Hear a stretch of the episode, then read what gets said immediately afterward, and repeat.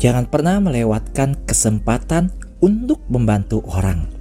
Rabu 26 Januari bacaan Injil diambil dari Markus 4 ayat 1 sampai dengan 20. Seorang penabur pergi untuk menabur.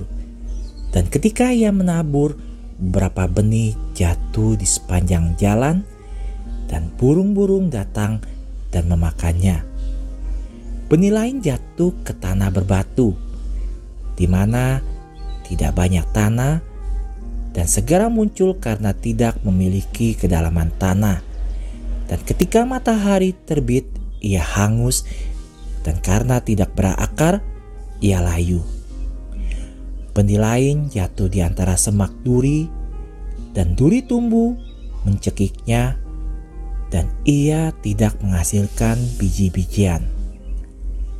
Benih lain jatuh ke dalam tanah yang baik dan menghasilkan biji-bijian, tumbuh berkembang dan menghasilkan 30 kali lipat, 60 kali lipat, dan 100 kali lipat.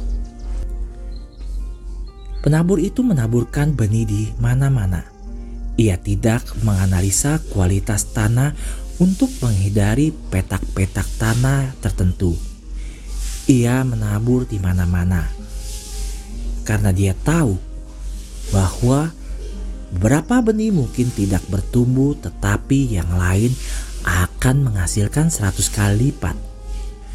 Penabur tahu bahwa benih adalah hal yang kecil dibandingkan dengan hasil panennya. Sama halnya dengan kerasulan kita. Kata-kata manis, ajakan untuk mengenal Tuhan dalam percakapan kita, memberi contoh yang baik, melakukan kebaikan-kebaikan kecil, semua itu dapat menghasilkan hal besar dalam jiwa. Kita harus berusaha untuk tidak pernah melewatkan kesempatan untuk membantu orang.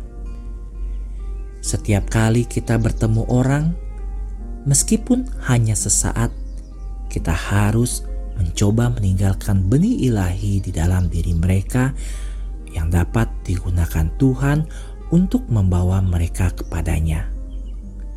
Ada cerita sahabat, pada suatu kesempatan Saint Jose Maria pergi untuk membeli celana baru dengan dua imam lain di Itali.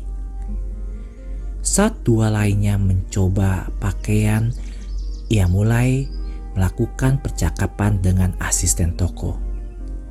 Ketika tiba gilirannya untuk mencoba celana, penjaga toko itu berbalik dan berkata kepada yang lain, "Wow, temanmu tidak membuang waktunya. Mari kita meminta Bunda Maria dengan kata-kata Saint Jose Maria untuk membantu kita menjadi bara yang menyala yang akan membakar setiap hati yang tersentuh dengan mereka dan percikan pertama itu akan mengubah suatu hari menjadi api yang menyala-nyala. Bunda Maria harapan kita dan tata kebijaksanaan, doakanlah kami.